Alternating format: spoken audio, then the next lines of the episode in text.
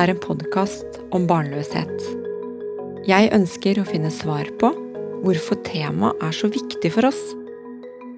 Jeg vil grave frem fakta på området, og ikke minst dele de viktige historiene bak. Jeg er Cecilie Hoksmark, og mitt mål er større åpenhet. Velkommen, Ane Ram. Takk. Når vi to sitter her nå i slutten av august, er det ikke sikkert at det er så mange som kjenner til deg. Men jeg tror at når denne podkastepisoden er tilgjengelig, så kan det være at du som hører på, har fått med deg Ane Ram, og at du har gitt ut en bok. Og jeg vil eh, påstå at den boken er sjelden vare. Den heter Jeg skal passe på deg en annerledes historie om rus. Og vi skal snakke mer om boken og temaet senere, men det er en annen grunn til at jeg også ønsker å ha akkurat deg som gjest. Mm. Og det er at du er adoptert. Og du har også skrevet en bok om det. Mm.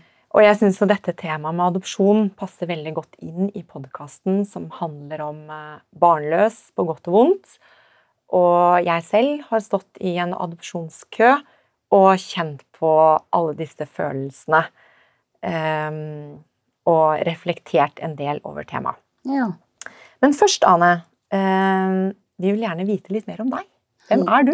ja, hvem er jeg? Uh, jeg er mor. Eh, jeg har vært datter. Jeg er en søster og kollega og venn. Og så etter hvert har jeg blitt en pårørende, og så er jeg utenlandsadoptert. Eh, jeg kom til en familie på tre. Eh, en mor fra Hedmark, en far fra Oslo. Og så fikk jeg en søster som er nesten seks år eldre enn meg. Moren min eh, kunne ikke få flere barn etter en dødfødsel og et keisersnitt, men de ønsket seg flere barn og bestemte seg for å adoptere. Da jeg var barn, så trodde jeg egentlig at de hadde bestemt seg for å adoptere meg. Men da jeg ble eldre, så skjønte jeg at det ikke akkurat var sånn, da. Men det sier kanskje noe om at jeg følte meg ønsket. Jeg er jo litt nysgjerrig på hvordan det var for deg å vokse opp, og du var adoptert, du så annerledes ut. Følte du det selv, at du var annerledes? Ja, fordi jeg stadig fikk påminnelser om det.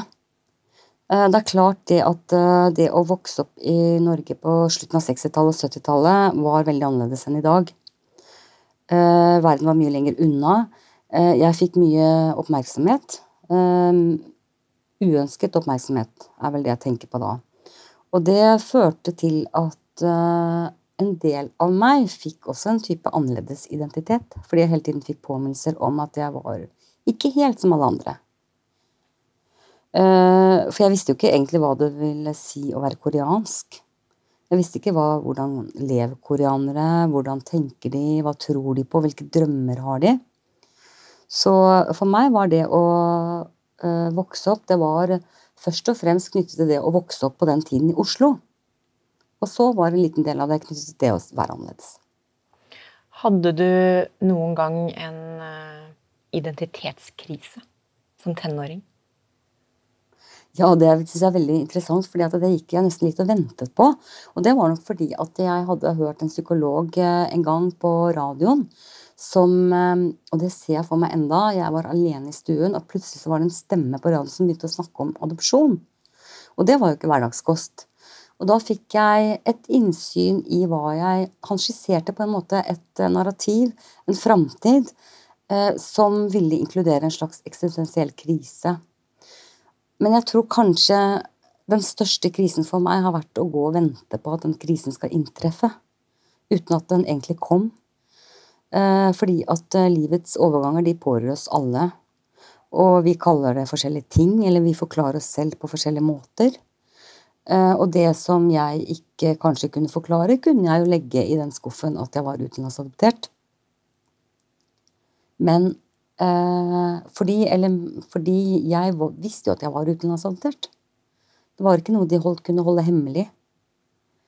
Så var det ikke en dag jeg plutselig forsto alt, på en måte. Jeg forskjønner fremdeles ingenting, altså På et vis. Så jeg vet ikke om jeg har hatt eh, Det er vanskelig å skille ut om jeg har hatt rene eksistensielle kriser knyttet til å være adoptert, sammenlignet med andre eksistensielle kriser. Og det handler sikkert om flere ting. Også at jeg var så liten. Jeg kom før jeg hadde utviklet et språk. Jeg hadde ikke utviklet eh, nære og gode relasjoner. Jeg var tre måneder. Du um, har jo vokst opp i en familie hvor foreldrene dine har hatt eh, da, biologiske barn i tillegg til deg. Eh, og det kan man jo kanskje tenke vil kunne bli problematisk? Ja, hvis man tenker da altså da, da er det kanskje premiss du ligger til grunn her, som handler litt om at biologi er sterkere eller blod er tykkere enn vann. Eh, for jeg tenker at det var en fordel å ha fått litt øvde foreldre. At de visste noe om hva det vil si å ha barn. Slik at ikke alt ved meg ble forklart med at jeg var adoptert. Det tenker jeg var en fordel. Og så eh, tenker jeg at det viktigste eh, i den settingen der var å føle tilhørighet. Og det er mange måter å føle tilhørighet på.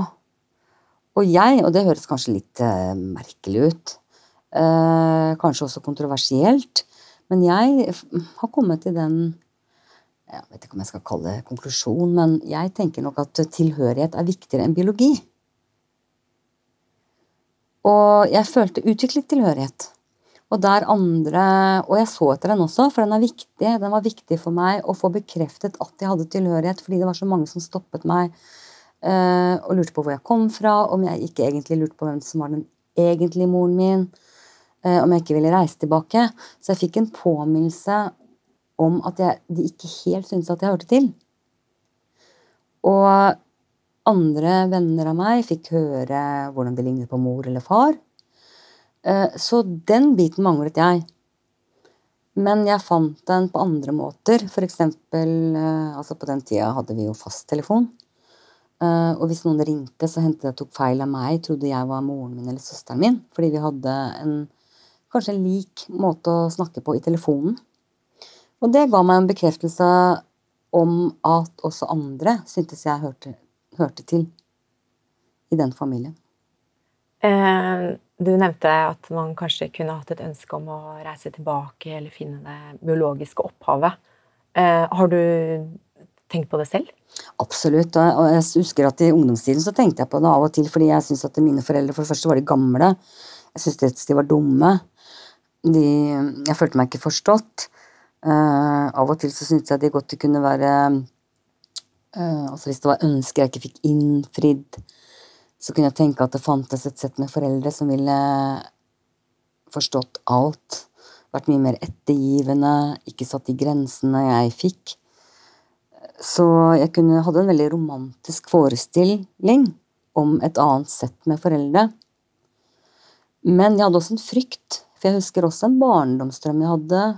Jeg delte rom med søsteren min den gangen, og jeg husker at jeg våknet opp og drømte at det var et helikopter Altså, jeg lå og sov i drømmen på dette rommet. Siden av meg lå søsteren min i sin seng. Eh, og så våknet jeg av et forferdelig bråk, og at gardinene sto blafret, og utenfor var det et helikopter. Og de var kommet for å hente meg, for å føre meg tilbake igjen. Og det var en veldig sånn angstfylt drøm. Fordi da var jo de biologiske foreldrene og Korea veldig fremmed. Mens tryggheten var jo her, og forankringen. Nå husker jeg nesten ikke hva du spurte om. Om jeg hadde lyst til å reise tilbake. var Det det som var egentlig? Det var egentlig spørsmålet, men du svarte veldig fint på det. Jeg likte at du delte drømmen med oss. Den sa ganske mye. Um, så, jeg, bare, jeg bare legge til én ting. Jeg, jeg, kan tenke at jeg syns nok det er litt Fordi jeg på en måte på den tiden så var det nok veldig viktig for foreldrene mine å ikke etterlate noen tvil om at jeg var norsk. Eh, I dag vet vi at eh, folk kan se annerledes ut og likevel være norske. Men på den tiden så var ikke det så vanlig. Men de etterlot ingen tvil, for de hadde norsk statsborgerskap. Ferdig med den diskusjonen. Men Eh, jeg husker at jeg lurte på å reise tilbake igjen til Korea, men jeg husker også at jeg følte at det var noe skummelt ved det. Fordi jeg identifiserte meg med nordmenn og syntes på en måte Jeg så jo på koreanere, eller asiatere for den saks skyld, med norske øyne. Så det var jo noe veldig Det var litt som om en annen treåring, femåring, tiåring skulle få spørsmål om skal vi reise Du reiser tilbake til Korea, Kina Som var fryktelig langt borte den gangen som jeg ikke helt eh, Det var noe truende det spørsmålet. Akkurat som om de heller ikke helt følte at jeg, til tross for hvor glad de var i meg, til tross for båndene, likevel et sted inni seg syntes jeg ikke hørte helt til allikevel. Men dagens, mens dagens adopterte tror jeg ser helt annerledes på det. Fordi jeg tror at på samme måte som hver generasjon preges av det tiåret vi vokser opp i, så gjør også adopterte det. Fordi vårt syn på oss selv påvirkes av den måten samfunnet og verden for øvrig til enhver tid ser på oss. Du har jo eh, gjort opp eh, veldig mange tanker rundt dette med adopsjon. Og du har også skrevet en bok som vel var for eh, litt over ti år siden. Mm. Um, har du lyst til å dele med oss hva innholdet i boken er, og hvorfor du skrev den? Drivkraften i den var nok at jeg eh, hadde et behov for å gjøre et opprør mot det jeg opplevde var et veldig eh, problemorientert syn på utenlandsadopterte den gangen. Det var en veldig ensidig framstilling som jeg ikke kjente meg helt igjen i.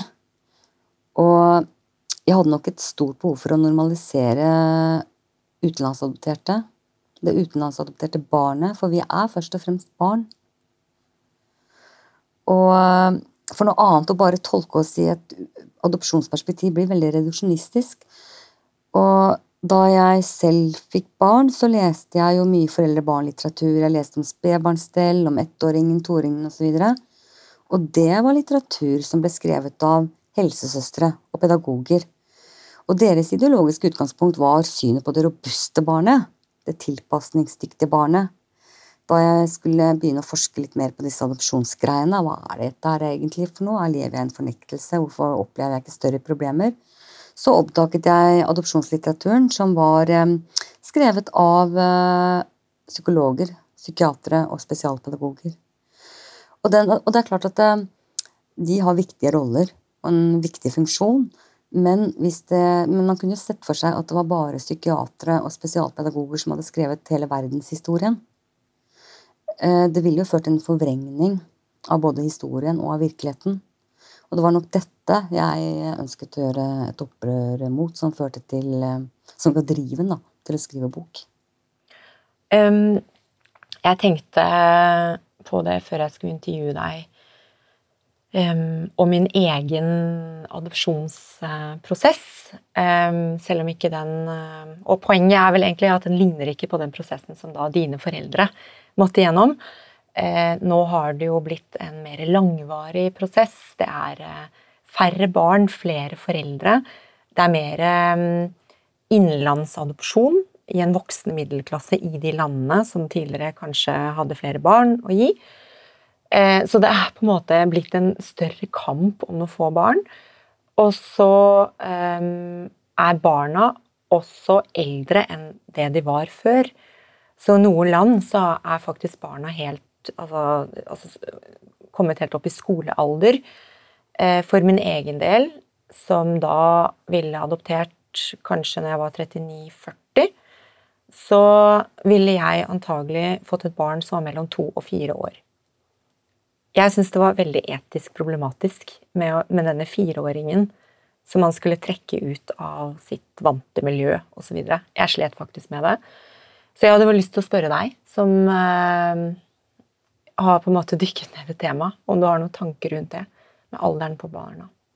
Jeg vet ikke om jeg kan si så mye om det, for jeg ser at det er ganske stor forskjell på barn som har utviklet relasjoner og språk. Samtidig så tenker jeg mer i det store bildet at så lenge det finnes uønskede barn, eller barn uten foreldre, og det finnes foreldre som ønsker seg barn, så tenker jeg også at teknologien burde fremme at disse fant hverandre, og at man sikret så gode adopsjonsprosesser som mulig. Det er mitt overordnede Hva skal jeg si eh, Det jeg legger til grunn for det som kommer videre. Og da blir det mer pragmatisk. Eh, da ble jeg mer pragmatisk på hvordan eh, ivareta denne toåringen som har hatt en relasjon. fordi utenlandsadopterte har jo veldig ulik bakgrunn. Noen har hatt gode relasjoner og bodd i fosterhjem fram til det var to år, og har ikke hatt så mange brudd. Mens en annen toåring, toåring har kanskje vært på sykehus, i ett hjem, til et annet, til et barnehjem. Så hva de behøver, vil jo variere. Og hvis man ser dette barnet, så blir jo det viktig, viktigere eh, selv Altså hvis man anerkjenner at de bar, det barnet trenger noe annet som de kan tilbys i det landet hvor de er, så blir det etisk dilemma mindre for meg.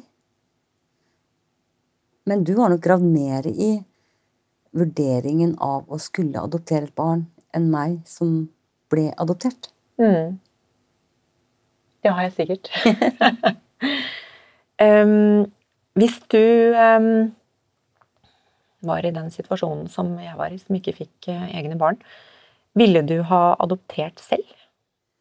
Jeg uh, Hvis jeg var i din situasjon og ikke kunne fått barn selv, så ville jeg absolutt undersøkt de muligheter jeg hadde for å kunne få barn, og da er adopsjon en av dem. Og siden jeg selv er adoptert, så vil jeg, vil jeg absolutt ha undersøkt den muligheten også. Helt klart.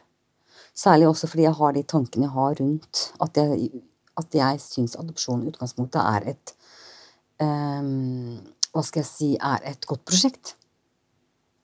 Og jeg tenker ikke at det er nødvendigvis noen Jeg tenker at på en måte i utgangspunktet så ville det beste vært at alle vokste opp der de hørte til. At alle fikk akkurat de barna de ønsket seg. Og at alle barn ble født inn i trygge omgivelser hvor deres behov ble dekket. Og så, eh, men når det ikke alltid skjer, så tenker jeg at adopsjons er et eh, Ja. Altså hele konseptet er, er veldig bra. Og så er det klart at det er alle ting kan Altså det å få, få barn er en risiko. Eh, jeg mener ikke at man skal feie under teppet at det kan være utfordringer. Men det er nok det jeg går inn i det spørsmålet med. altså. Mm. Den tanken der. Vi skal gå videre til eh, neste tema, som jeg snakket så vidt om i starten. Vi skal tilbake til eh, boken som du nå er ute med. Og jeg må si, Ane, vi har snakket med hverandre så vidt før, og jeg syns at dette temaet er utrolig touchy å snakke om. Så jeg er jo mer følelsesmessig, holdt jeg på å si, eh, satt ut enn det du er når du sitter her nå. Eh, og for en sterk dame du er, Ane. Jeg må bare få si det. Mm. Eh, og du sitter nå her og i podkasten min og skal snakke om din datter som har rusproblemer. Um, og jeg tenkte at hva, hvorfor hører dette temaet hjemme i denne podkasten som heter Barnløs på godt og vondt? Men jeg syns at uh, det var noe ved det som handler om um, hvordan vi ser på tenker oss familielivet i framtiden. Hvilke forventninger vi har. Brutte forventninger. Det handler om åpenhet. Og jeg syns du er svært modig. Og på en måte så ligner Altså, våre historier ligner på hverandre. Men altså ikke innholdsmessig, men at vi på en måte har åpnet opp og deler noe som er vanskelig å snakke om. Mm. Det syns jeg er en felles tabuer? Ja, mm. det har vi. Og jeg har først lyst, Ane, at du skal eh, fortelle Nå har du fortalt om adopsjon, om ditt på en måte barndomsverden. Eh, Eh, og så går vi videre til ditt voksenliv som da mor og med en familie. Så jeg har lyst til at du skal fortelle oss hva som ble annerledes. Hva ble annerledes, ja. Eh, jeg tror bare det fra første dag altså du får barn, så er det annerledes enn det du forestiller deg. Jeg vet ikke hvor godt øvet vi er eh, på Jeg vet ikke, jeg, altså i hvert fall ikke jeg. Jeg får bare snakke for meg selv. Men hvor mange babyer hadde jeg møtt? Hvor mange spedbarn hadde jeg tatt med av? Det var en ny verden som åpnet seg. Og den ble annerledes enn jeg hadde trodd. Men det var på godt og vondt, så klart. Uh, og det er klart at den største frykten jeg tror uh, man kan ha det som foreldre, det er at man får et barn som blir narkoman. Uh, men det Da tenker jeg litt sånn Hvorfor det? Hvorfor oppleves det som så ille? Fordi vi vet jo at folk også blir avhengig av smertestillende preparater. vi vet at smertepasienter f.eks. får morfin eller opiater og lever har jobber og er eh, fungerende. Så det er jo en spesiell type mennesker vi tenker på når vi snakker om de narkomane. Og den frykten handler jo også om Altså, bakgrunnsteppet her er jo narkotikapolitikken vi fører, og behandlingspolitikken vi fører. Og også dehumaniseringen av en gruppe mennesker som blir avhengige eller syke på feil måte.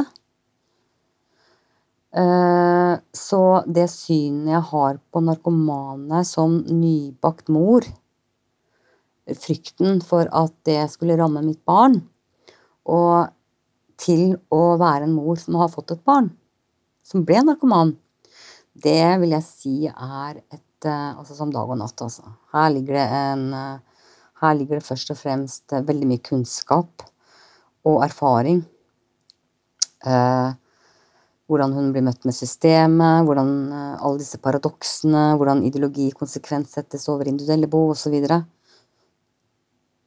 Som gjør at uh, hvis jeg i dag hadde fått et barn som skulle utvikle rusavhengighet, så ville jeg nok sett ting på en annen måte. Har du lyst til å utdype litt mer hva som har skjedd?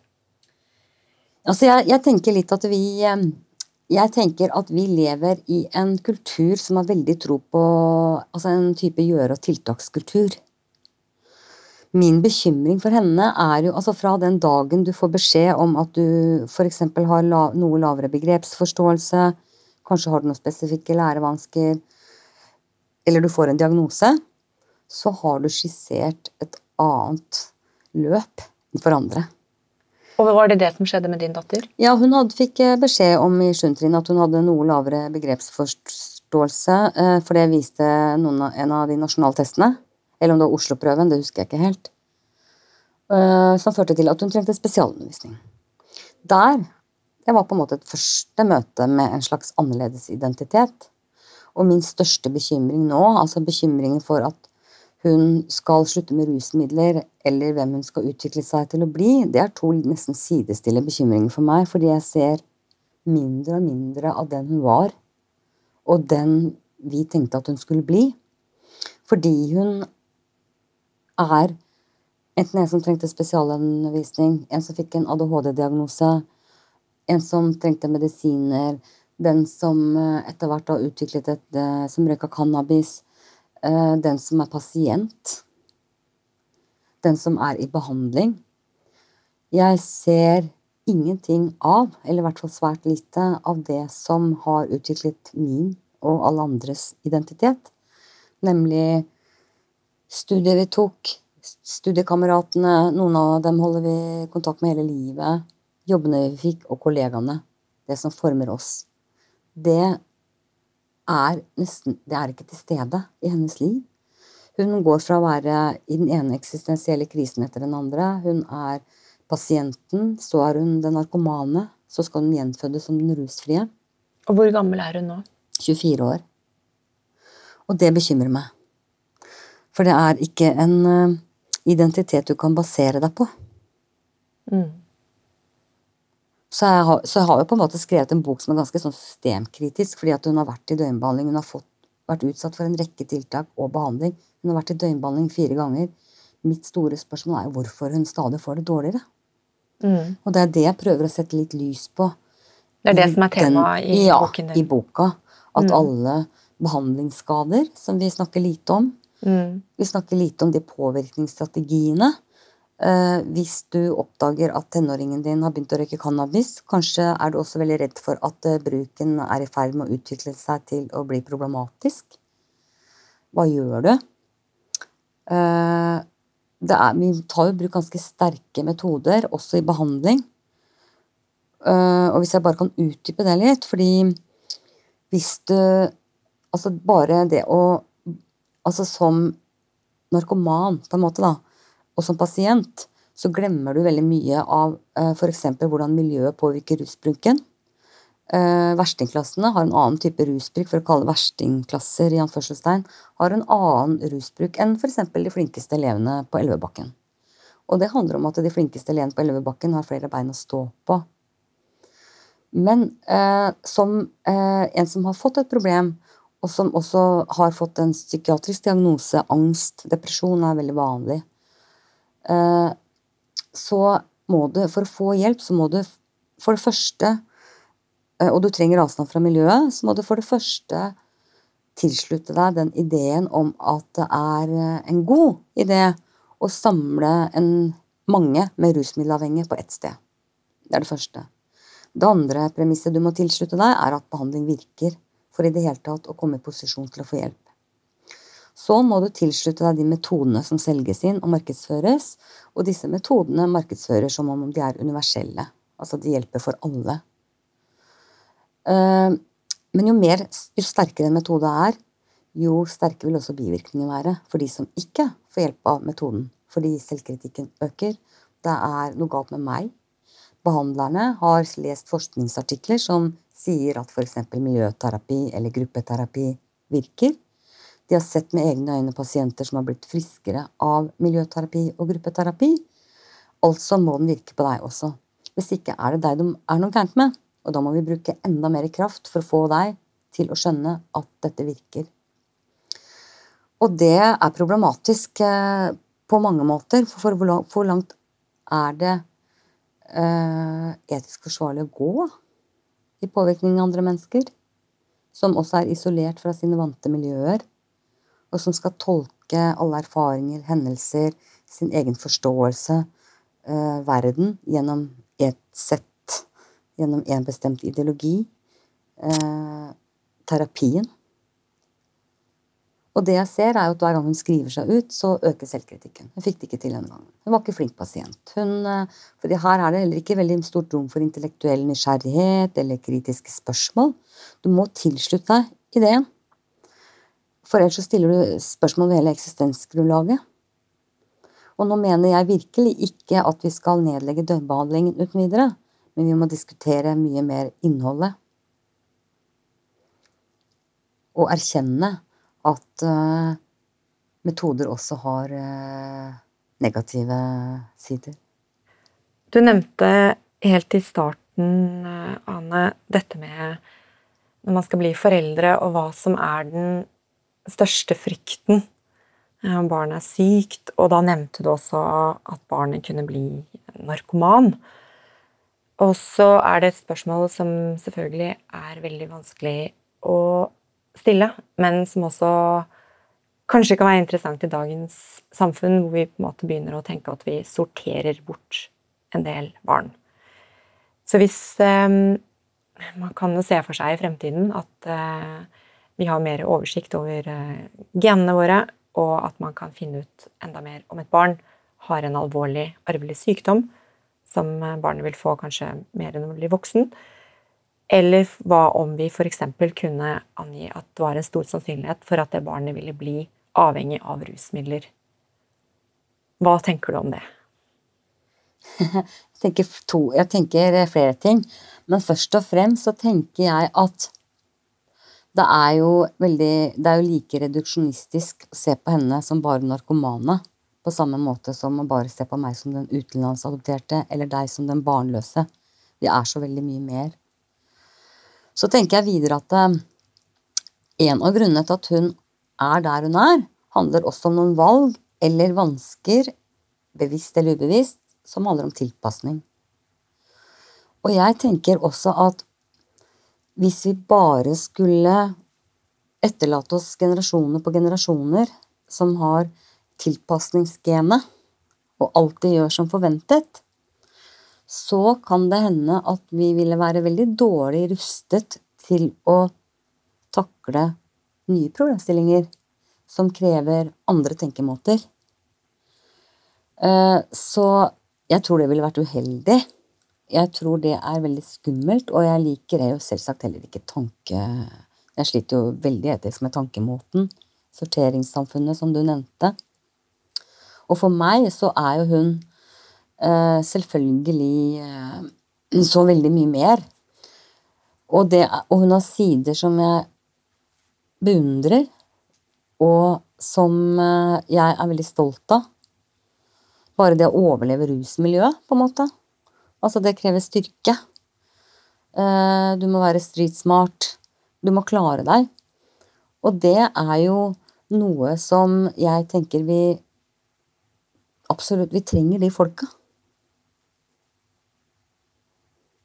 Og så tenker jeg at det er veldig mange grunner til at noen blir rusmiddelavhengige. Mer enn arv. Og jeg tenker at uh,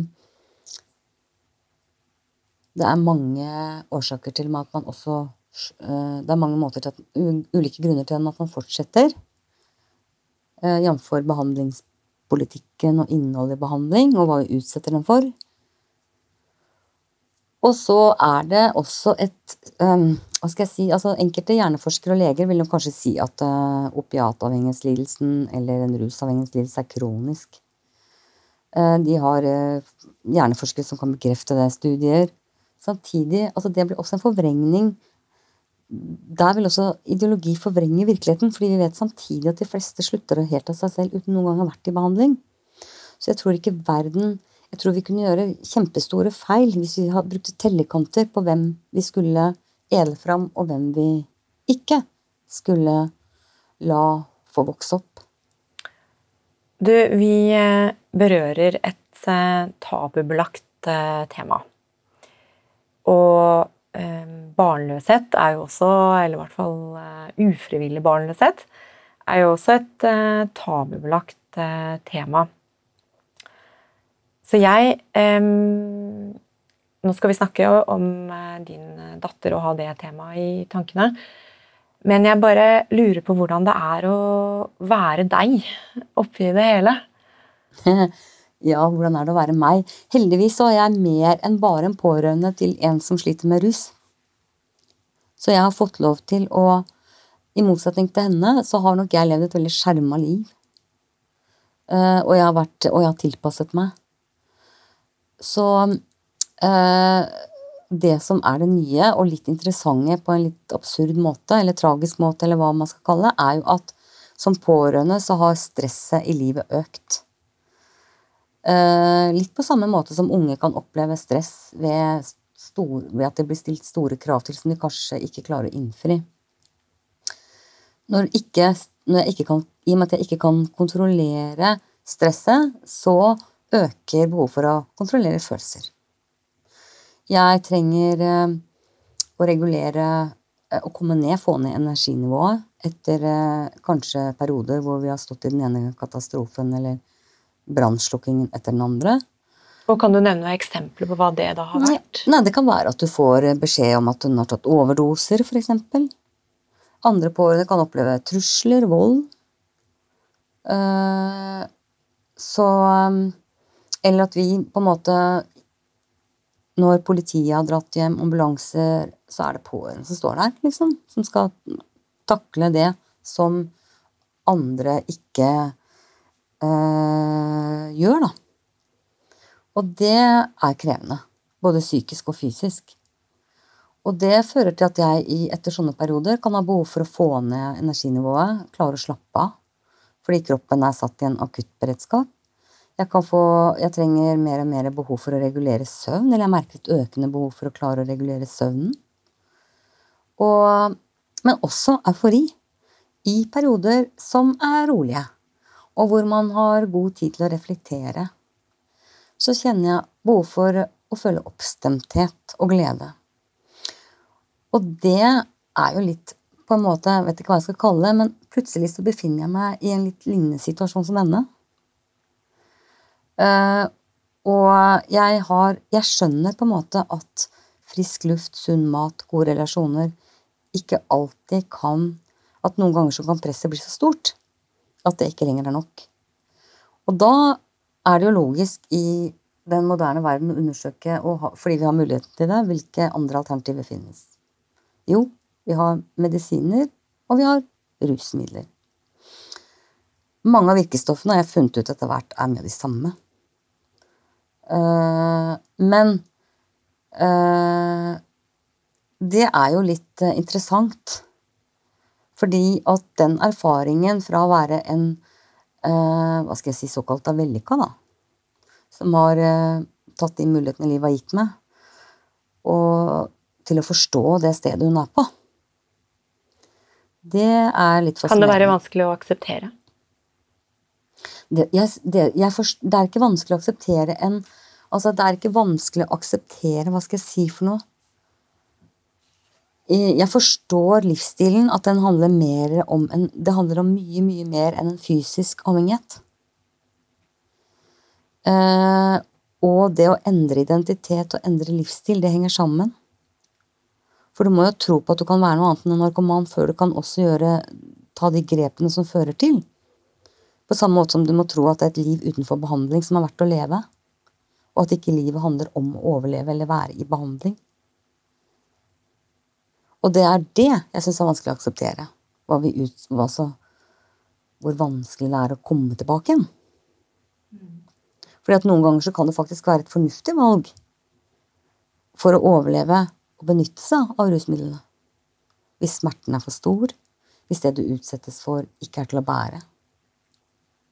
Og mange har kanskje overlevd livet også takket være rusmidler.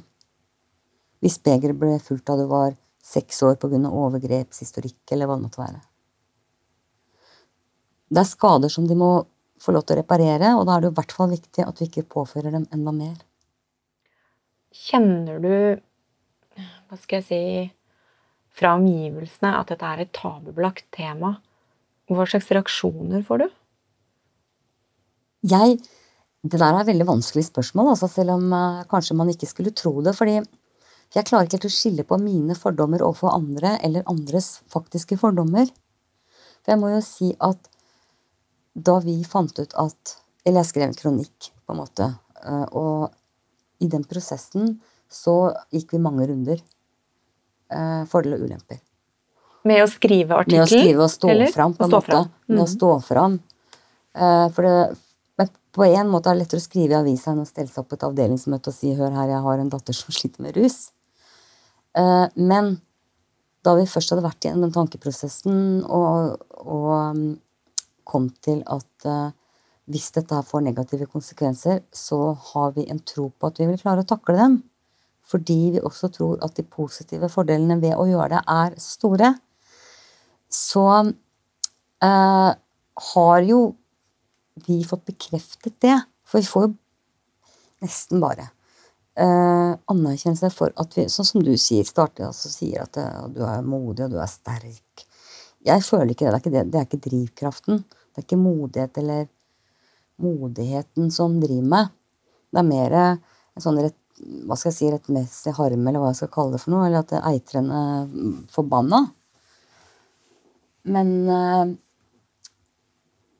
jeg syns det er vanskelig Ja, det er klart det er fordommer knytta til det å ha en, øh, en, datter som blir narkoman. Og jeg tenker at eh, som mor så er man relativt utsatt. Fordi jeg tror vi er litt Altså, vi tar øh, Trekker raske slutninger. Ja, det må være noe, noe galt med det være. Tenker du at folk um, tenker at du ikke har lykkes? Noe må være feil. Noe har blitt gjort galt. Jeg tenker i hvert fall at det er nærliggende tanke. At man vil se etter fordi, man, fordi det er nærliggende og det er naturlig å prøve å forstå. Og for å forstå så tar man tak i det som er. Hva kan man, hva kan man trekke ut, liksom? Hva er Uh, og der er det rett å komme til altså, Bare ta mine egne fordommer. altså, Jeg husker jeg hørte om en, som, en ung utenlandsadoptert gutt som hadde tatt livet sitt. Det første jeg tenkte, var at han tok livet sitt fordi han var utenlandsadoptert. Og det er jo et stort paradoks når jeg selv ikke føler at det er grunn nok til verken det Altså, det er ett Og egentlig så hadde man ikke mer. trengt å nevne det i, i den artikkelen. Det er jo på en måte litt uvesentlig. ikke sant? Mm. Og, så jeg skjønner at man gjør det, og jeg skjønner at jeg legger hodet laglig til for hugg. Men jeg tenker at det eneste man kan gjøre for å avlive eh, den type fordommer, er ved åpenhet. Mm. Mm. Og det er det neste på listen min, det er å snakke om åpenhet. For det må jeg si at eh, Det gjør du nå virkelig. Den boken kommer snart ut. Jeg tror det vil, vil bli en, eh, en bok som folk eh, legger merke til. Um, jeg tror du har en stemme om et tema som er såpass vanskelig at vi, vi blir bare veldig fanget eh, av det. Og tenker at du, at du tør. Hvor, hvor kommer denne styrken fra? Og du har sagt litt om det, men jeg har lyst til å, å spørre litt mer rundt denne åpenheten. Fordi eh, du har nevnt hvorfor du gjør det, men du, men du hadde ikke trengt å gjøre det. Nei, det er sant. Jeg hadde ikke trengt å gjøre det, men hadde jeg klart å la være å gjøre det med, den, med de refleksjonene jeg har hatt, og de erkjennelsene, prosessene jeg har vært i, det er et annet spørsmål. For jeg tenker ikke at det er et sånt Til syvende og sist er det noen følelser her som driver det. Engasjementet. Og, og så var det også veldig eh, noe, En side som jeg ikke overhodet hadde tenkt på. Det var hvordan datteren min også så på meg som en annen og kanskje Altså hun fikk også en rollemodell, da. For hvis, hvordan jeg svarte på spørsmål, eller hvordan jeg forholdt meg til temaene. Som eh, også kanskje var interessant for henne. Samtalen vi har hatt. Hva er generelt? For i boka så, så er jeg privat, men bare så privat som jeg måtte være. Dette er ikke en historie om henne, på en måte. Dette er, en, dette er mer en bok om de refleksjonene jeg har gjort meg. Og opplevelsene, erfaringene, kampene og alt det der. Så det er eh, Det er ikke noe vei tilbake der for oss, altså. Jeg tenker ikke at dette er, å, dette er og, det er klart at hun er i en sårbar situasjon, så det er jo noe jeg har framme i bevisstheten at uh, hvordan ville det vært også om lansering for eksempel, av en bok er når hun er helt på kjøret. Så tenker jeg ja, men det er jo en del av syklusen å være rusmiddelavhengig. Og ja vel. Og så tenker jeg, håper at den har at den kan Jeg håper jo at den kan Altså, hun eller jeg er jo ikke altså det, Jeg håper jo at, er, at den skaper debatt. Det er ditt høyeste Ja, det må jeg si, altså. For det er så mye vi trenger å debattere. Mm. Hva tenker du at du får igjen selv? Hva får jeg igjen? Eh, Jeg har ikke tenkt så mye på hva jeg får igjen, men det jeg tenker er at det er et eh, jævla bra prosjekt for meg på den måten. Et egoistisk prosjekt på mange måter, fordi at jeg føler at eh, jeg også gjør noe, da. Det gir en følelse av eh, Kall det gjerne mestring. Det er sikkert noe terapeutisk i det å skrive og tvinge seg selv inn i enkelte rom Å stå i det? Å stå i dem. Mm. Tenker du at du eh, Hva skal jeg si At det kan være en pris å betale for dette her også? Absolutt. Det er det, for det tror jeg det er, er med alt, alt på en måte. Og det Det må jeg nesten bare forholde meg til eh, Jeg må på en måte bare forholde meg til det som kommer, på samme måte som jeg Som jeg også ville ha gjort hvis jeg ikke sto fram. Eller var åpen. Altså stå fram. eh, Var åpen. Mm. Men jeg tror altså det, det, noe av det som kunne gjort meg ordentlig ordentlig syk For jeg har nok vært nippen til å være ganske syk. altså Du, du går jo inn i noe veldig mørkt innimellom når du har en datter som leker med liv og død, eller utsetter seg for liv og død. Eh, så er det jo Så er det jo på steder som, som eh, man ikke er ellers. Eller med, med barn som ikke har den type utfordringer. For jeg tenker at prisen Ja, åpenhet har en pris, men jeg tenker at prisen ved å føle skam er mye farligere. Ja. Vet du hva, Det syns jeg var noen fine avsluttende ord, Anne. Det var eh, Ja, det kan jeg kjenne igjen til mitt eh, prosjekt eh, også.